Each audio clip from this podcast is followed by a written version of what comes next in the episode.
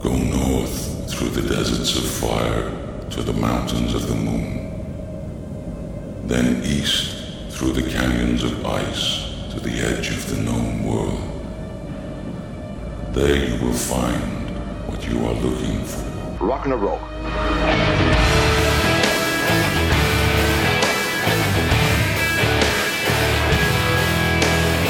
Gåan det, og velkommen til Ragnarok og tvar tøymar vi Rotje og Tungmalme. Og i kvöld færa vi til tvær konserter. Fyrst Leina heldur sérstaka konsert og i legendariska spelestanon Tavistia og i finska høvestanon Helsinki. Her Amorphis er apatle og framfører fyrir tøymon Sæle. Konserten Queen of Time live at Tavistia 2021 var utgiven 13. oktober. Vi tar vi Tommy Jutsen, atamannen Uja Morfus og Mesa Serlio konserterna. Så gjennomfører vi til utselta konsert i Heichal Hatarut, konsertsalen i Tel Aviv, Her israelske bøkeren Orphaned Land saman vi Trushmanstauron Symfoniorkestre framfører kjentast og Sancher Synar. Konserten var 1. desember tøk av utgavene A Heaven You May Create. Vi tåsa vi kopi fari åttamannen ui Orphaned Land om konsertena, og sjálvande koma vid òsni inna troblostøvna ui Israel just nu. Velkommen av konsert vi Amorphis og Orphaned Land. Velkommen til Ragnarok. Ragnarok. Hello guys, this is Tom Jolson from Amorphis and you are listening Rock and Rock. Stay heavy.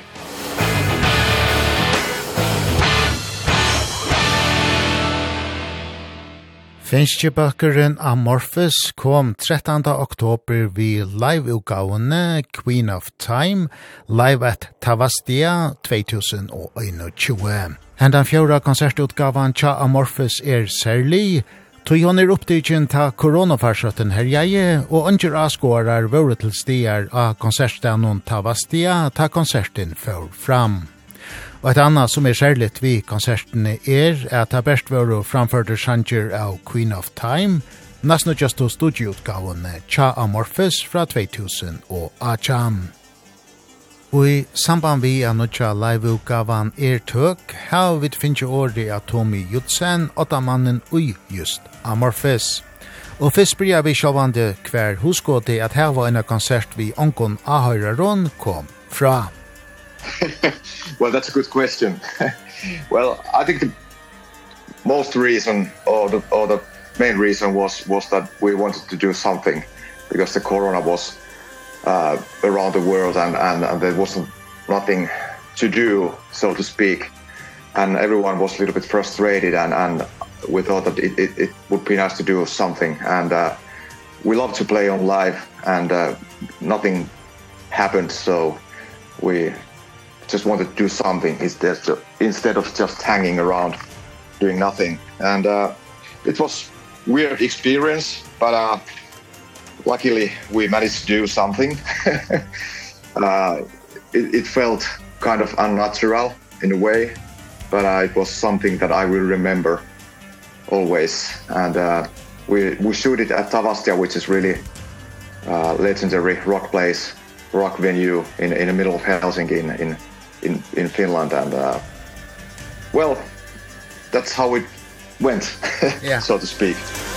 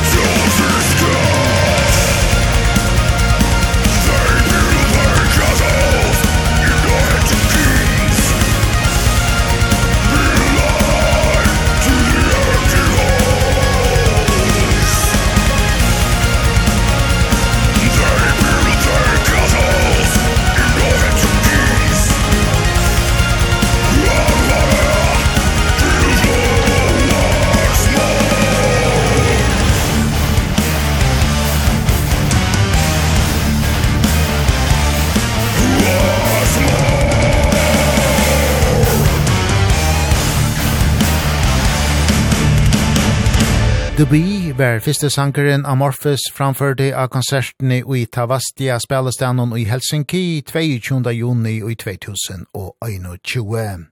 Konserten som var utan ahøyrerar var festa band, og er nå tøk av nuttjo konsertutgavene Queen of Time live at Tavastia 2021. Av konsertene framførte Amorphis Nasnudjasto studioutgave Syna Queen of Time fra byrjan til enda. Tavastia er eit ta kjentasta konsertstegi i Helsinki, og ta var eit opplagt vel til konsertna helder Tommy Jutsen, Otamaveren i Amorphis. Well, it's it's been there like ages and uh if you start a band in Finland your dream is to play at Tavastia because uh it's a really good quality place and everyone knows the place it has a great history behind before in-ear monitor system. Everyone was talking about how how the uh, stage sound it's perfect. So that's also a reason why everyone want, wanted to go there because they had a great PA system there. And uh, the capacity is only 800 or something like this. And when the pay, uh, when the venue is packed, you can really feel the atmosphere. And, and uh, I've seen some legendary bands playing there. It's it's a great place to see bands if you live in Helsinki. It's one of those places you really want to go if you come to Helsinki and if you are into rock music or metal music. The night figured into black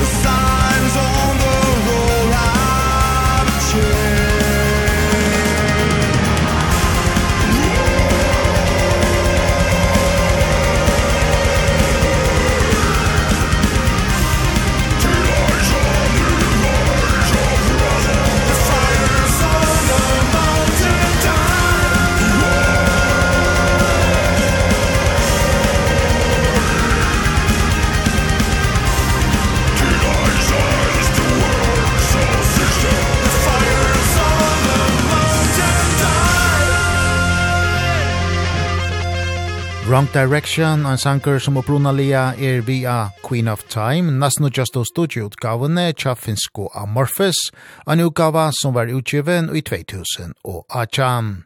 Hese fer framfører live i legendariska Tavastia spelestanon i Helsinki. Konserten 22. juni i 2021 var tidsen opp og er nå tøk som Queen of Time live at Tavastia 2021.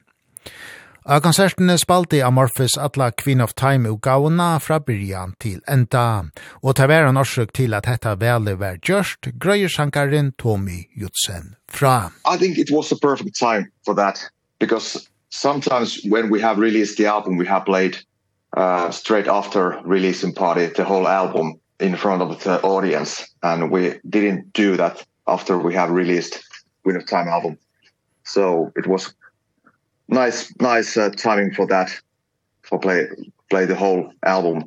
And for band sometimes it might be a, a big challenge to play the whole album because of course everything is recorded at studio and sometimes you might have some problems to play songs on stage because they might have some really weird time structures or arrangements having lots of uh, like like we do we have some orchestral things going on during some songs.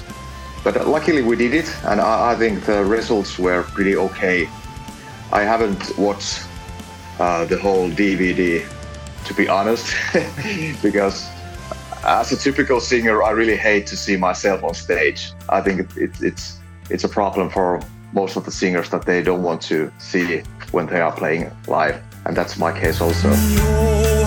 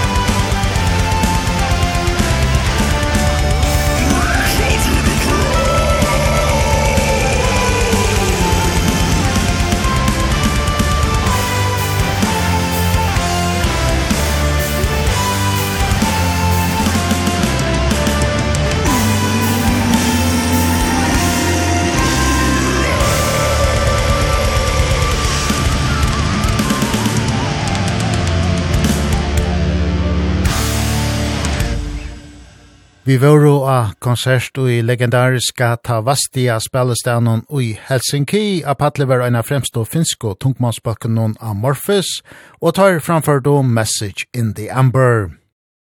Konserten som var innspalt utan ahøyrarar ta koronafarsøtten herja i 2021 er no tøk som Live Ukavan, Queen of Time, Live at Tavastia 2021, en ukava møveløyge vera dogna sær 13. oktober. Ta var en særlig oppliving tja Tommy Jutsen og Hinon og Amorphis a standa av patli utan ahøyrarar, og at han er en samanbørstøvende anså hana som er ta sjåbandalø vera upptagen? Well, it's it's weird. It's it's kind of shooting a music video and uh, at the same time it feels that you are playing live.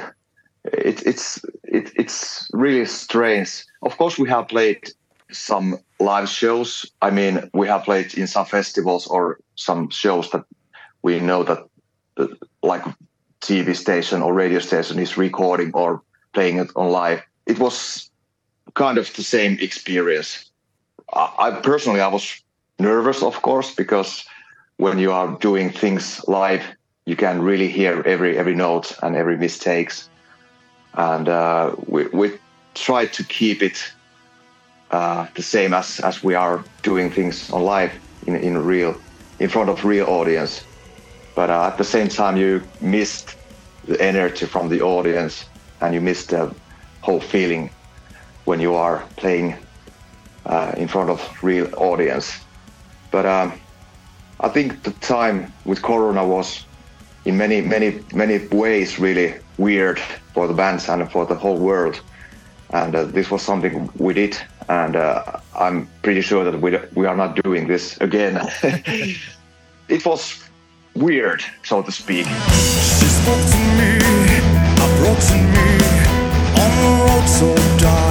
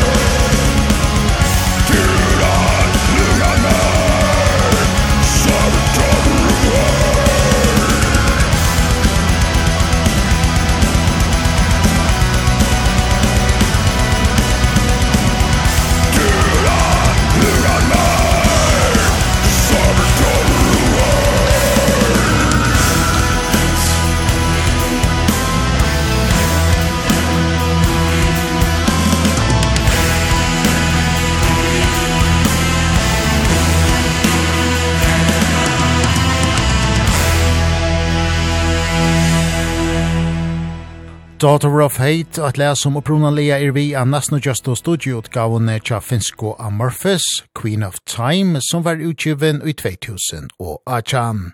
Hesefer framført live i legendariska Tavastia spelestanon i Helsinki, 22. juni i 2000 og 21.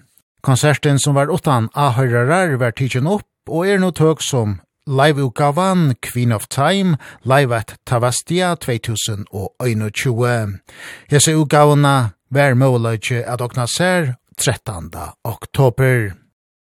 Ein gestasankare er via i sin nutjo konsertutgavane. Hollandska Annik van Giersbergen som lotiger av sangenon Among Stars vær ta ikkje til stier ui Tavastia ta sankeren blei innspaltor. Eta vær ta ongen trubeløyche helder Tommy Jutsen og ta maveren ui Amorphis. Well, we have played that song on, on, on live uh, using like back, backing tracks for, from Anneke and uh, of course would be nice to have her voice on on stage with every every every shows but it's impossible because of the schedules and stuff. But uh luckily we managed to have her voice on on on this uh record recordings also. And uh she really brought she really brings huge energy to the song and uh the whole whole duo duo thing it's it's really powerful and and uh, people really love her voice and our our song. So yeah. of course we had to have have this uh, song also on on this recording. And is this a, is a pure concert recording or did you had made some additional recordings uh, in the studio afterwards? Uh, of course we did some mixing and stuff but uh, I'm I'm not the right person to answer that because I I didn't do any any mixing things. I just went on stage and I I did my job. So that's that's the truth that I know. And is there a song from uh, Queen of Time that is your favorite to play live? Well, I think the whole album is it, it's uh, great. I, I just can't pick any any particular particular song.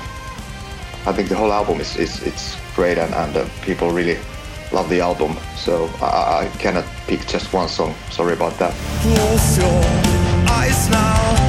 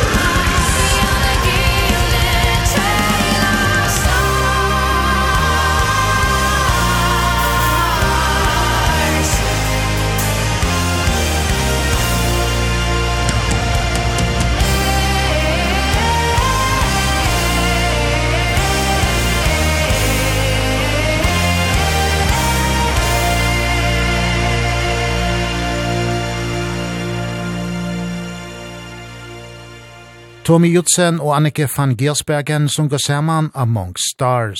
Lei er uppruna lia av Queen of Time, nasno just og studieutgavene tja finsko Amorphis, en utgava som er fra 2000 og Achan.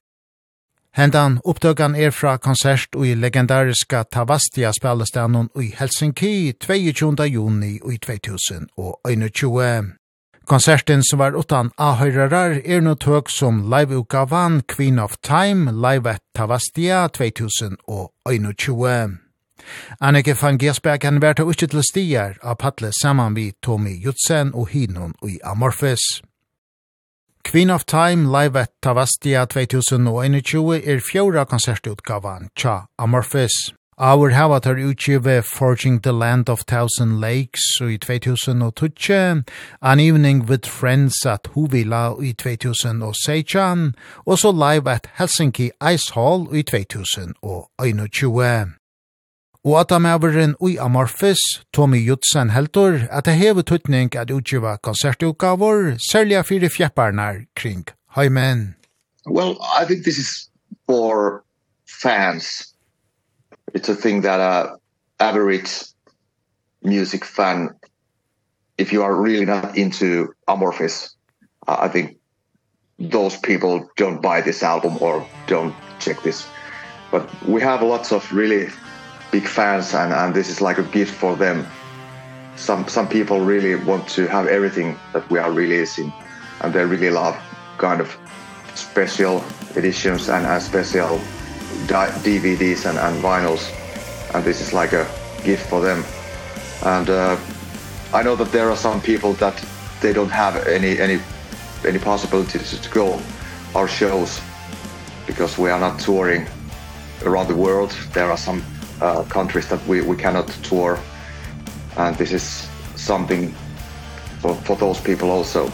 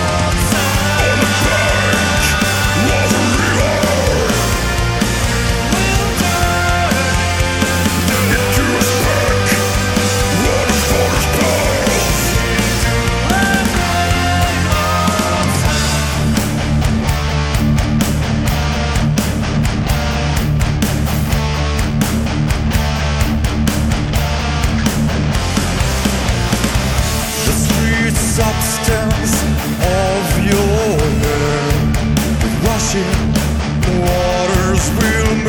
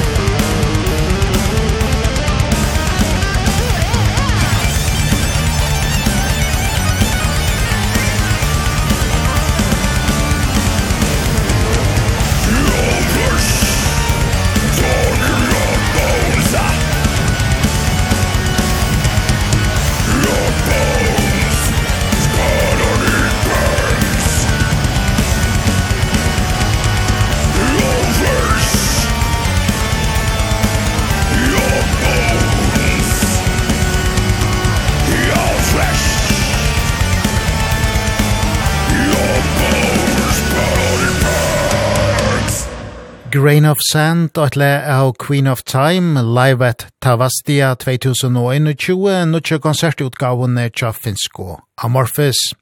En utgava som overløyde ikke at dogna sær 13. oktober. Konserten var opptidgen 22. juni i 2021 og i legendariska Tavastia spelestanen i Helsinki. Vi tåsa i kvöld vi Tommy Jutsen, åttamannen ui og just Amorphis. And if you look at the live uh, album concept, uh, do you have a favorite live album made by other artists or, or bands? Well, to be honest, I haven't listened that much live albums. I think if you want to see band live, you should go to concert. That's my personal opinion. I, I just love the feeling, the real feeling when you go to the venue and, and, and you can feel and, and, and see the band playing and, and you can uh, feel the atmosphere and everything around you. And uh, I, I prefer listening album versions, to be honest. Yeah. And do you have a favorite concert that you have been to? well, it's really hard to pick just one. I remember I saw Massive Attack back in the days in in in Finland in in some rock festival. And that was really fantastic experience and also Marilyn Manson they played in in, in Roskilde festival back in the days. And uh, what else? It depends. Sometimes it's it's really nice to see like a huge band in in festival or or in arena. But on the other hand seeing band like Turbo Negro in Tavastia with 800 people. Everyone is a real bit drunk having good time listening to rock and roll. That's also really fantastic fantastic experience. I haven't been that many concerts lately. I'm a little bit lazy ass nowadays and uh, I'm not proud of it. I should go more often to concerts, but uh, the feeling that you get in concerts, it's, it's fantastic. You really feel that this is something that makes us human beings.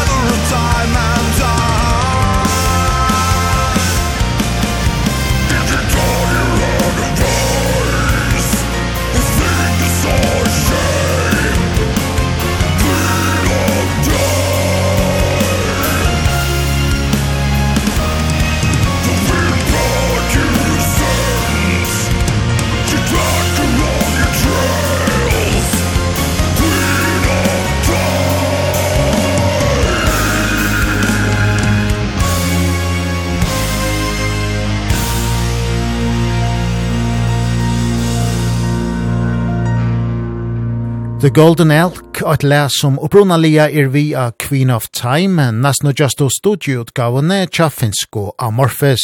Hesefer ui eine live utgavo.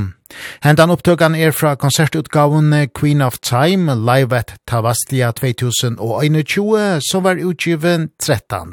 oktober. Amorphis er mittlen fremst og finsko tungmannsbalkanar, og tar hava oss niveria konsertferir omkring Atlan Høymen.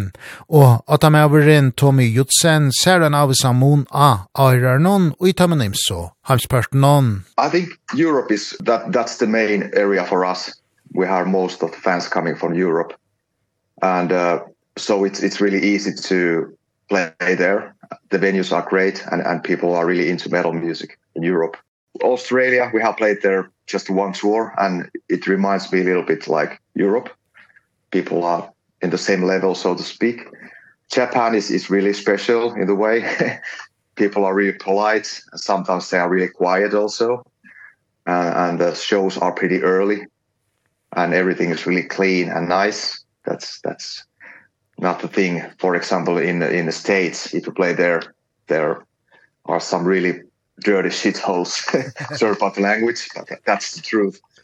And uh, South America, I mean Latin America, it's it's really nice. People are really friendly, really uh, social. Uh, but the bad thing about touring there it's that you have to fly a lot because you, you cannot travel by bus. So it's sometimes really hard. You have to wake up really early to take a flight.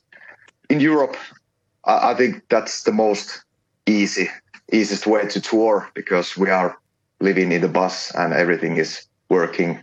I mean the music business is working really well in Europe. It's it's like playing in in Finland. So i i really love to tour in Europe in in that way. Yeah. And you have a tour coming up now in in Europe and and uh, some shows in Finland. Uh, how does the future look for Amorphis it's it looks pretty okay, we have to tour in in Europe and then we have some shows in in Finland in the end of the year. And we have some plans already for for the next year, some shows in in Latin America and and festival shows and uh, maybe a tour in in North America. So lots of shows coming in next year and uh, we have some rough plans to start recording or demoing new new songs for for the next album. So it's going to be quite busy year for us. Fantastic. And maybe, maybe the festivals next summer? Yeah, of course, of course. Some metal festivals. We, we know that we are going to play at Tuska again in, in, in Helsinki, which is the most important uh, metal festival here in Finland. And uh, we are still waiting some news about other European festivals. So it, it's going to be busy summer uh, next year. TK1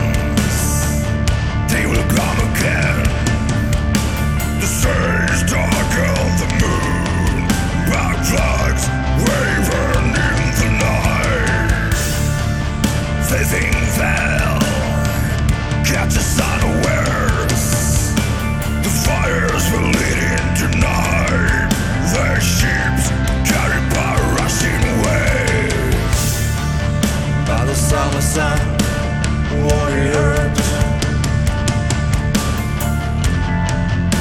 The eagle told what he saw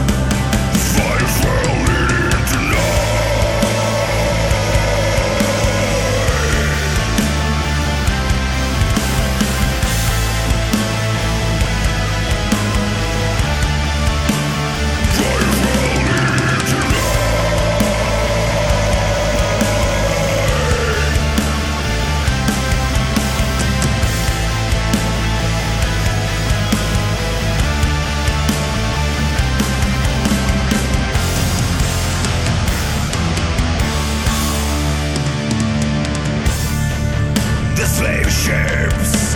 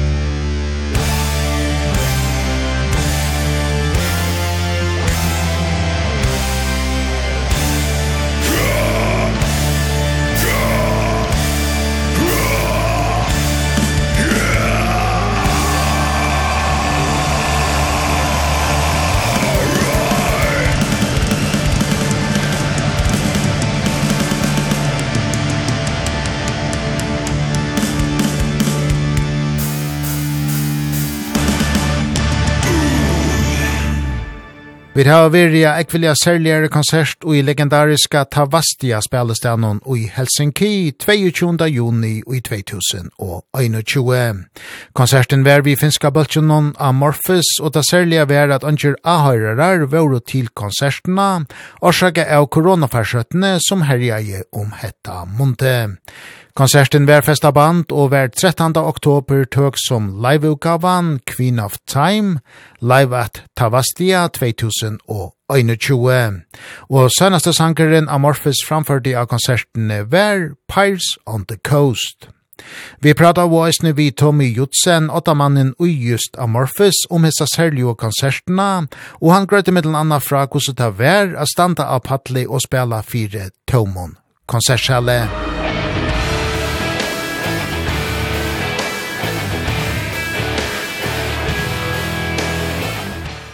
Shalom everyone, Kobi Falchi from Orphanland here and you're listening to Ragnarok.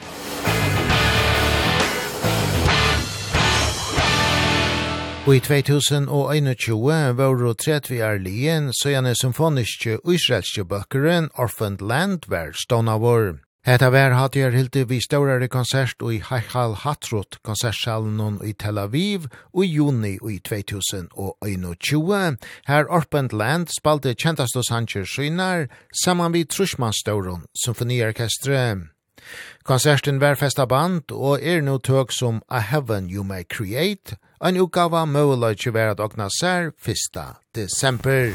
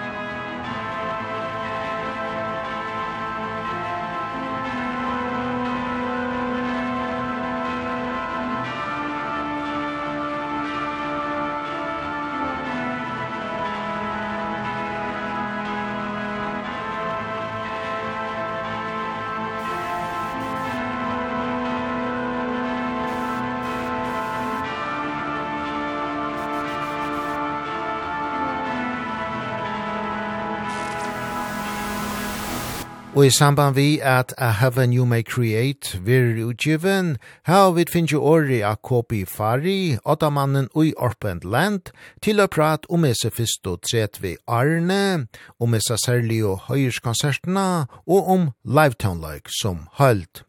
Arne vi koma til Sjolvan Townløygen, spyrja vi Kopi hvordan opplever støvna i Israel, nu ofrier og krutsk herjar. Yeah, these days uh, I devote myself between the circumstances of the war that that is now happening in Israel and the, the tragic events uh, you know for both sides of course uh, me and my family try to keep it safe. Um, and in between there is a lot of press since we have uh, the live album coming up. So I'm doing a lot of interviews which which is good. It gives me some sense of working some sense of normality. And uh, even if I have have to speak about the situation, which is okay. For example, you can ask me anything you want. But uh, yeah, yeah, it's it's good to work and to promote something normal in in this chaos. Do did the war uh, affect you you as a band also or Yeah, of course. Uh there's a lot of of affection uh with the band.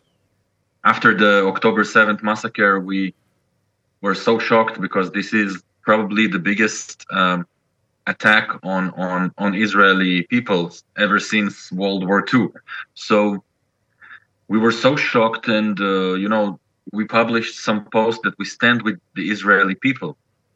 Never justified uh the killing of innocent Palestinians but just saying that we stand with our people which is our families friends uh, you know etc made a lot of people to unfollow our pages to say that we are hypocrites to say that we are double faced because we we are considered to be a band that promotes peace uh and and unity which we are.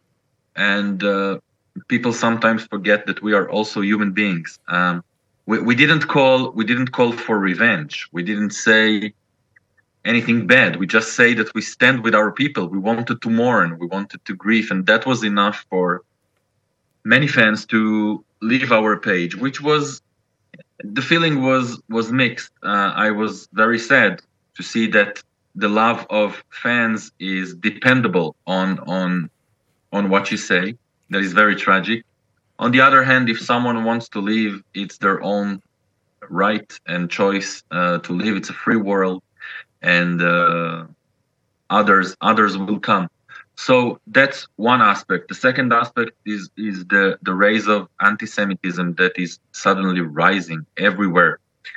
It seems that Jews are now being hunted and being afraid to leave their homes whether if it's in London or in Paris or in anywhere in Europe and the United States. There were incidents in the United States in France in Turkey where people got stabbed murdered lynched just for being Jews and just because Israel is in a war. And this is so unfair because Israel are not the inventors of war. Uh wars have been there all the time during all history. I've never seen people lynching uh, a British guy because Britain because the United Kingdom was in a war. I've never seen uh, uh a shop putting a sign there's no entry for Germans because of World War 2 or anything like that. I, I don't like to wave the anti-Semite flag every time that the Jews are being accused at something but it seems like Jews have the privilege to stand in the front of this unproportional hate and and uh persecution every time they have some conflict uh uh in in their country. So so the second thing creates a situation that we don't know if we can go on the roads under these circumstances. We need to have a tour coming up in January and then in March and we also have a, a South American tour. And it seems like it's it's becoming a big headache to the promoters, to the police, to everyone. And and unfortunately this is the world that we live in. I hope that we will make the tours. Uh I I don't want to uh, you know, I don't want to get hurt, but I don't want to let fear win. So all these things that I just mentioned uh of course affect the bands apart from the fact that we have a release date and the album is going to be released. This is the only thing that is not affected. Close my eyes, I cannot see Sudden blindness upon me This ray of light is so unknown From womb of darkness I am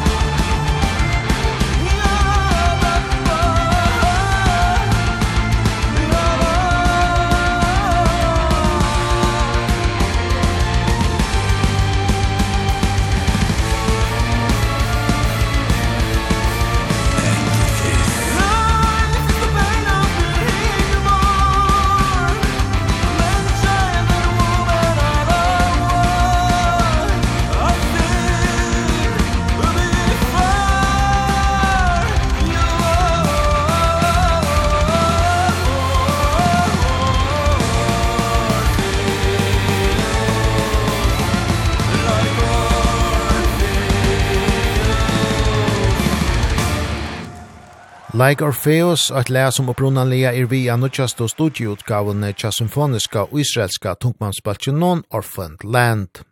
Unsung Prophets and Dead Messiahs, som var utgiven i 2000 og Acham. Hese fer i konsertutgave saman vi Trushmanstauron, Symfoniorkestre konserten som var i 2021 var festa band, og er nu tøk av konsertutgavene A Heaven You May Create, som var utgiven 1. desember.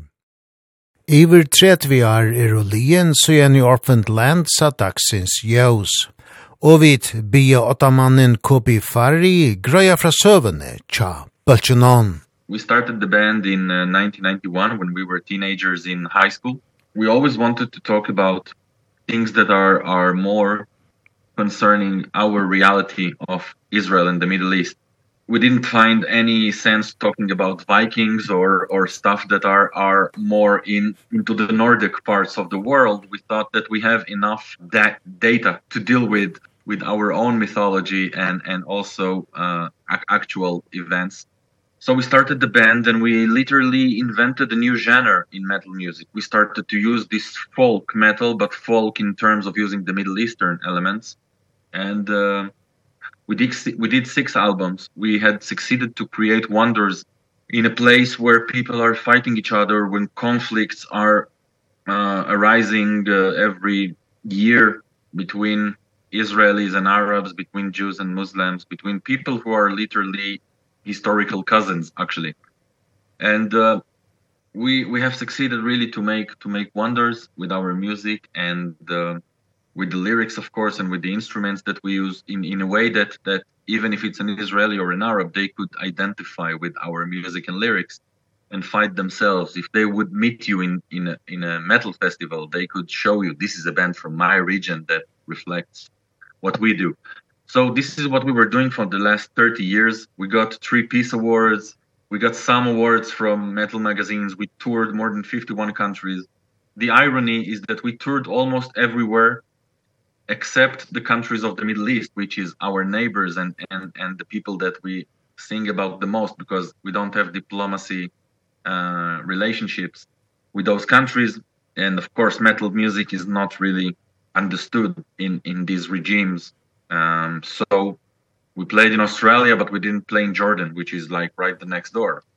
We played in Japan, we played in China, but we didn't play in Syria or Egypt, which is next door. So Faroe Islands is on a good company with all the Arab countries that we didn't play with. yeah.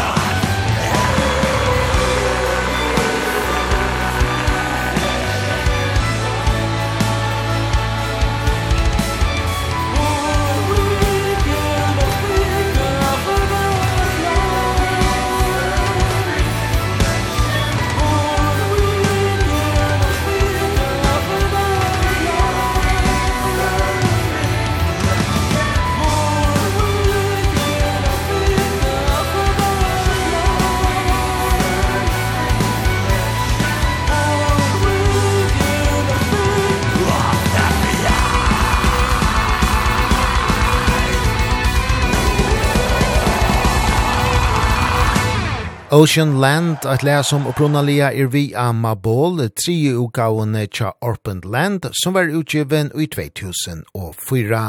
Hese fer framførte live saman vi symfoniorkestre. Konserten i Tel Aviv i 2021 var festa band, og er no tøk som A Heaven You May Create. Og i 2021 var det tredje vi er lien søgjane i Orpent Land sa Dagsens jøs, og limen er hilde at Hetta åtti a veri hatjerhildi a onkran serlian hot. Og her byrstist hos gode a spela saman vi oinon souvenirkestre grøyer åtta maveren Kopi Fari fra. Uh, having the 30th anniversary of the band uh, made us think that we need to do something special. The 20th anniversary of the band was also a show that we filmed for a DVD and it was amazing with this video art and and special guests and and you always think how you should take it to the next level and apparently metal metal bands really like to work with um symphonic orchestra. Many bands did it of course Metallica's S&M Tear did it uh, Septic Flesh and so on. Um this is something that really fits i think with with metal music. All this pathos and everything and we thought that this could be a good idea to do it in our 30th anniversary. It was a little bit complicated because uh it was during the COVID-19 era. So we didn't know um are we going to have a show are there going to be some restrictions? We simply got lucky that the show fell on some day that all restrictions were gone and we were able to fill the place with 2500 fans which was really a highlight in our career. So this is definitely a worth uh, event to to to make with with an orchestra when you celebrate your third decade uh of of being here and and doing music. So i thought that this could be maybe the highest point we we should achieve at at at that point. The process was very long uh and uh, sometimes even exhausting. Um we had a musical director and with him we chose all the tracks that we would like to perform uh, tracks that we knew that the audience would like or tracks that we wanted to make some rearrangement with the classic orchestra. So the song will have some new version. Um so we picked up the the tracks and then the musical director he gave it to some people that worked with him to rearrange the songs into classical arrangements. And uh, we the band members we got uh, we got like a file with the studio song and some sequencer who was playing with computer sounds uh some sort of the arrangement that the song should have. We had to approve it or to send some comments. Uh, there were some comments about this harmony here or here it's too busy. And then we brought it back. It was like a ping pong of three times. And after that all the pages were printed and then they started to work with the orchestra. We had to come to three long rehearsals with the orchestra where we we were simply playing our song. So we were like soldiers. The manager told us stop play that again do that again. And we we simply did it and he worked with the orchestra.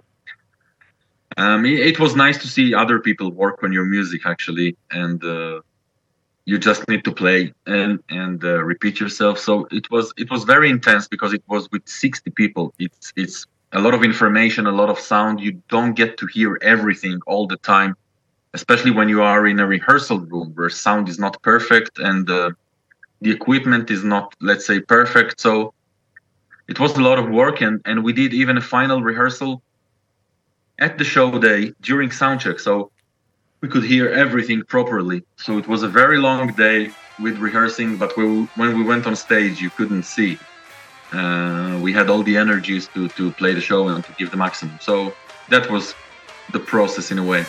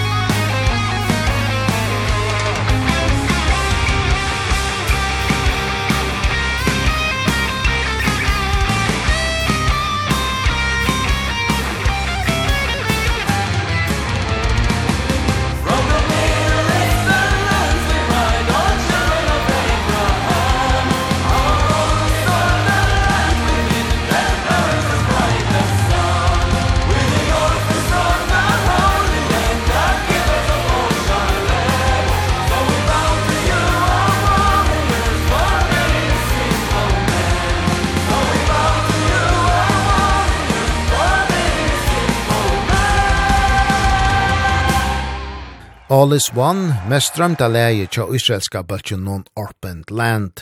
Leie er opprunalige høydesankeren av 50 uka av Torra som var utgiven i 2013. Hese fer framførder av konsert i Haikal Hatarut konsertsalen non i Tel Aviv i juni i 2021 saman vid Trushmanstauron symfoniorkestre. Konserten er tøk av live-utgavene A Heaven You May Create, som overløyde være at åkna ser 1 desember. Tånlagalia hava limenir i Orpent Land rønt av vera tryggfyr i møte i opprunna opptøkken noen av sankanon, og så er symfoniorkestret kommet som et le om an a opprunna sankenar, grøyer åtta maveren Kopi Fari fra. Well, uh, what we play, the band, is uh, almost as the original. So we simply in in 90% of the cases we play it the same way it is on the album or it is on the live arrangement that we play when we play alone.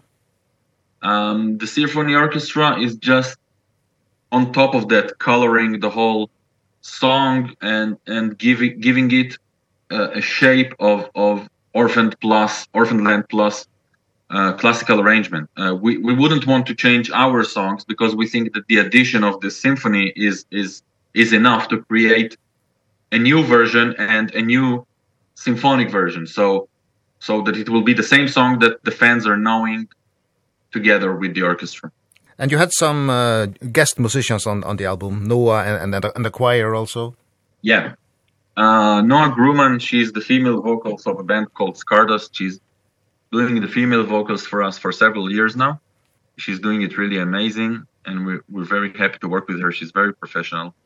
And Hellscore Choir, who is who is basically also a project by Noah. She's the conductor of of the choir. And this this choir is compiled with metal people basically that are singing a, a metal choir which is really great. They worked with us on our previous uh, studio album. And ever since then they worked with a few metal bands actually in the scene because they are really great. They are metal heads and it's very easy to bands to work with them if if they are interested. So it was really cool. Um to work with them and and we we're very glad to do it. We actually do it for several years now but but it's great to show them to the world on our new album and DVD yeah. I talked to uh, Thomas Wikström from Terrion yesterday and they were appear on their upcoming al album as well. Yeah yeah of course of course. They uh, started to work with many bands and i think that they, they really deserve it because they're doing a great job and uh, they're very professional and they're they're a metal choir which which you can find many choirs but but not many of them are metal. We did have a metal choir once when we played in Germany and Europe. Uh the name was Stimmgewalt but they were a bit smaller. And this one can Hellscore can go up to 24 uh people on on on stage which is really cool.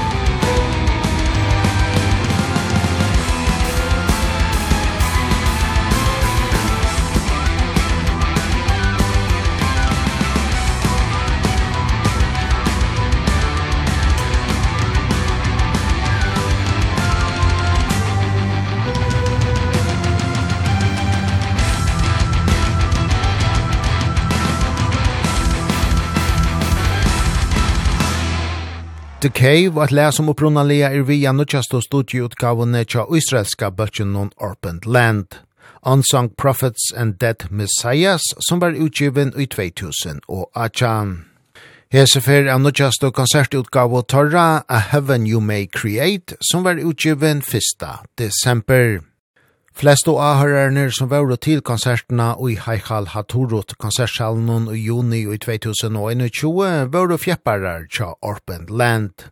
Men erer avhørere var også til stier, stafest og Kopi Fari. It was mostly our fans. Uh, at 95% it was the fans of the band. All the fans of all time seems like they came to this show. Uh, it was the biggest show we ever pulled in Israel. Usually we do uh, a 1000 uh, people show twice a year, but this time it was 2500 in one time. So everyone came out. There were a few old people in the audience and and I think these are the ones that have tickets to all the events that are probably happening in in this venue I I heard about it by fans who who wrote after the show that we saw these old people. They told us that they just go to every show in that venue and they had a lot of fun. It was very funny actually to hear that but but mostly it was our fans. If you come to the show do you have an exact song of yours that you think uh, work best with the symphony orchestra? I think that uh, the song Sapari was really uh great with the orchestra. I really love the arrangement. Um songs like Ocean Land and um I actually love all, of course, I have to say it. But I think that that if you maybe take songs which are like the hits of the band, so Sapari, The Cave, Ocean Land, like Orpheus, I think these ones has a very very nice arrangement and and uh it definitely creates a different version now of, of a new version of the song.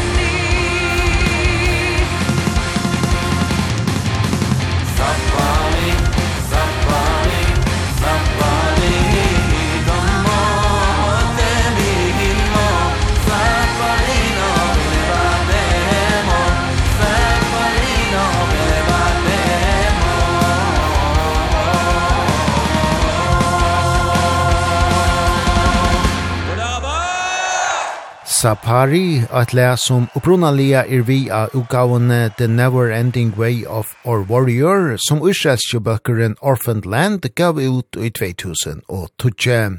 Hese fer fra konsert som bøkeren heie saman vi Trushman-stauron, symfoniorkestre. Konserten fra 2021 var festa band, og er no tøk av utgavene A Heaven You May Create. Vi tåsa i kvöld vi Kopi Fari, åttamannen ui just Orphan Land. Og sannaste løtena koma vid inna live-utgave konseptet og konserter som hølt. Do you have a, a live album that is, is your favorite by other bands? I think that Iron Maiden's uh, Life After Death would be one of my favorites. Sometimes there are live versions that are just better than the album version. Uh, you know, Iron Maiden's Fear of the Dark where uh, the audience is singing along. Sometimes that atmosphere of of the togetherness and the vibe of the live and the adrenaline gives something that the studio will never give. So uh, i would say that uh, this one of course there are many others that that i really like the love live version. Live live music is really nice i think. Um uh, if you love music if you love studio albums of some bands it always should be fascinating to see a live version as well. And is there a, a concert by other artists that that is your fa favorite concert you have been to? I love the concerts of uh Pink Floyd. I love the concerts of uh, I I think that Nick Cave uh is is amazing on on stage. He's like witchcraft. He's and his players. Uh so you get to see uh an experience that is so much more than than listening to the album which are dark the way they are. So i would say that the the shows of Nick Cave definitely enchants me. I'm i'm like standing you know and and i'm like wow i'm so happy to be an audience in this experience. There are many many bands actually. The some some bands that we played with uh, Blind Guardian when they play live it's, it's amazing what they are doing to the crowd basically i think i think every band really it's it's always an experience. If you love the music it's always great to see it live. Yeah. it's it's rarely that you get disappointed by a live show uh, of of the music that you love. Unless they are very bad on stage or doesn't like it themselves yeah. and stuff like that. Yeah. And you have played in uh, at festival as Wacken and uh, Summer Breeze and um Hellfest and uh, do you have a live highlight? Is this the with the symphony orchestra or or is it another show that is your highlight? We had a lot of highlights in our career. Of course playing in Wacken and Hellfest definitely was one of them. There was one highlight in 2006 where we played in Hellfest and we were contacted by a Lebanese girl who who is a belly dancer as well and she wanted to to wave the flags of Lebanon and Israel during the show. Um Israel and Lebanon are obviously political enemies uh and there is a lot of hate between the countries and basically the regimes actually. And we thought that it would be a disaster for her if she do it with us. I i remember telling her listen it will be a great pr for us but it will be a disaster for you so i don't know if you should do it. You should reconsider i i don't want you to get hurt or something like that. And she just said she just said i want to do it so let me choose my my destiny and what i want to do. And we did it. And we waved the flags and it was a huge celebration of of unity and peace and friendship. And then as expected she she got she was hunted in her own country and she had to leave to Ivory Coast actually um they came to the the house of her grandmother and they were calling her names. They thought that she was from the Mossad and and stuff like that. Uh, but but i think it was the bravery of the arab spring back in those days that people wanted to express wanted to have their freedom to express whatever they want. Um and uh, we are still in touch up until these days. So that was one hell of an experience. Also playing in Istanbul in Turkey, which it's it's it's some kind of a landscape that brings a lot of our Arabian fans to to watch our show. So there is a surrealistic event when we play in Istanbul that we are Israelis on stage and the crowd is full of people who are from Iran, Lebanon, um Saudi Arabia, Jordan, Egypt, uh, Syria and and that's that's a very rare occasion because those countries are enemies and that those fans are traveling all the way to see our show. So that is a very unforgettable moment every time that it happens. Um it's very exciting. There are videos sometimes in youtube that you can find from these moments and um it, it those it's those moments that shows you that there is another way it's a very small sparkle of light but the distance between nothing or being hopeless than that it's a long distance so this is the example that um, it it exists and and it those shows are always unforgettable even more than the one with the orchestra probably And uh, there have been some uh, some years since you released your newest uh, studio album. Um, how how about that is there some new music in making? not yet but um i think that after the live album we will gather ourselves to to write the next uh, studio album. I think it's time. We always take 6 or 7 years between albums. It's horrible. And it it it happened again now. And i think that after the live album after 2024 we will definitely uh work on it.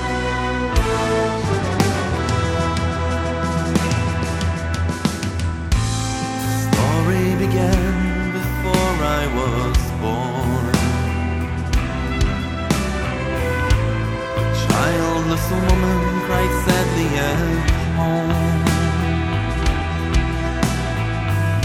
Her maid gave birth to a child of her own.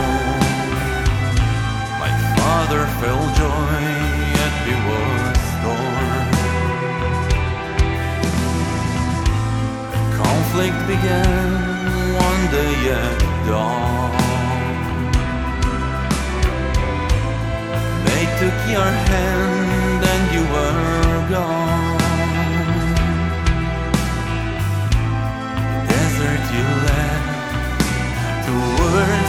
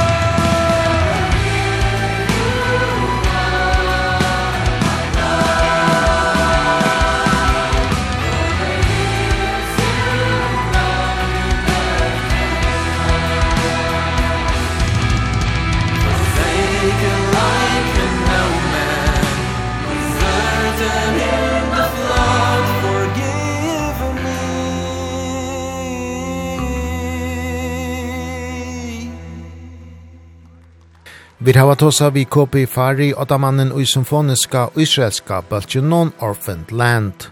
Bøkeren som hever rundt at hei tret vi arne er aktueller vi nukjære konsertutgave A Heaven You May Create.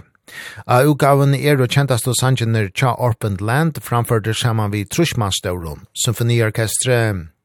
Vi tar oss av om utgavene om de første og tredje vi ærene tja Orpent Land, og så grøyte kopi eisene fra støvene i Israel og i løtene. Vi enda av vi at høyre Orpent Land saman vi symfoniorkestret framføra Brother, og et les om opprunalia er via utgavene All is One fra 2013. Om du hever ankra vimerskjeng etla vil vida om sendingsina, er møyleitje af er Facebook-bøltjen tja Ragnarok. Her finner du playlistar og anna tilfær. Møyleitje er òsne at høyre hesa og undanfarnar sendingar av høymasuyo okkara kvf.fo framskak Ragnarok. Ragnarok er atra skronni om eina viko vi samrøvun og nutjon tonleitje.